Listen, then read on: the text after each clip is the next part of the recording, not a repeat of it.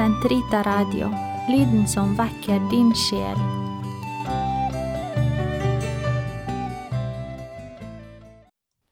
Den katolske kirkes katekisme, uke 49, lørdag 2475 2487.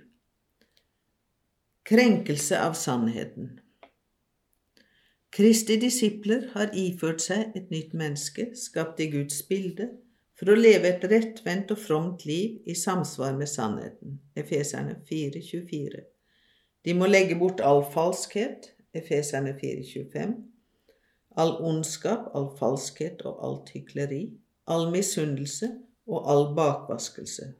Første Peterbrev 2,1. Falsk vitnesbyrd og mened. Et utsagn i strid med sannheten blir særlig alvorlig når det fremsettes offentlig. Fremsatt for retten blir det falsk vitnesbyrd. Fremsatt under ed dreier det seg om mened.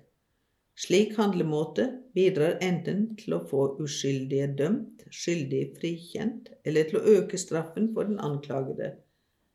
Dette setter rettsutøvelsen og rettferdig rettskjennelse i fare. Aktelse for andres gode navn og rykte forbyr enhver holdning og ethvert ord som urettvist kan tilføye dem skade. Den gjør seg skyldig i lemfeldig dom som selv stilltiende uten tilstrekkelig grunn godtar som sann en påstått moralsk brist hos nesten i sladder som uten objektivt gyldig grunn avslører andres brist og feil for noen som ikke kjenner til dem. I bakvaskelse som ved utsagn i strid med sannheten skader andres omdømme og gir opphav til feilaktig bedømmelse av dem.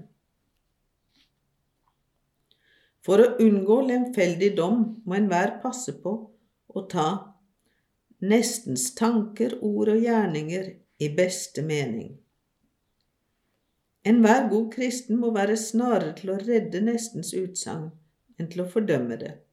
Dersom det ikke står til å redde, må man spørre ham hvordan det var ment. Dersom det var dårlig ment, må han settes på plass med kjærlighet. Og er ikke det nok, må man med alle passende midler få ham til å mene vel, slik at han kan berges. Sladder og bakvaskelse ødelegger nestens omdømme og ære. Ære er samfunnets vitnesbyrd om menneskets verdighet, og alle har en naturgitt rett til at deres navn, omdømme og anseelse holdes i ære. Slik krenker sladder og bakvaskelse rettferdighetens og nestekjærlighetens dyder. Hvert ord og hver holdning som ved smiger, smisking eller overbærenhet oppmuntrer og bekrefter en annen i hans onde gjerninger og dårlige oppførsel, må bannlyses. Smisking er en alvorlig synd dersom den medvirker til laster eller alvorlige synder. Ønsket om å være til tjeneste eller å oppnå vennskap rettferdiggjør ikke tvetydig språkbruk. Smisking er en svakhetssynd når den skjer bare for å behage, for å unngå et onde, av nødvendighet eller for å oppnå rettmessige fordeler. Hovmod eller skryt er synd mot sannheten. På samme måte forholder det seg med ironi som har til hensikt å rakke ned på noen ved å karikere visse sider ved vedkommendes oppførsel.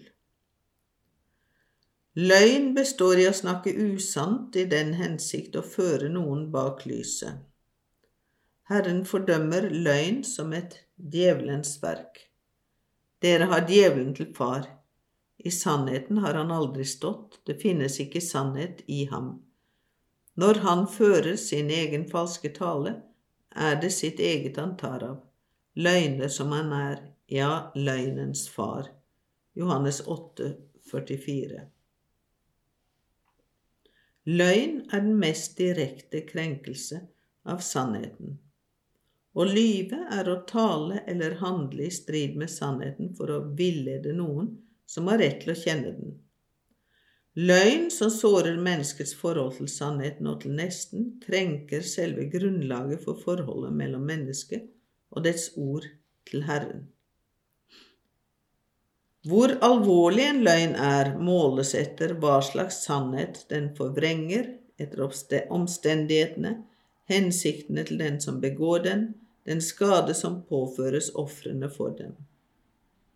En løgn som i og for seg bare er en svakhetssynd, blir en dødssynd dersom den utgjør en alvorlig krenkelse av dydene rettferdighet og nestekjærlighet. Løgn er etter sin natur forkastelig. Den forhåner ordet som har til oppgave å meddele andre den sannhet en selv har erkjent.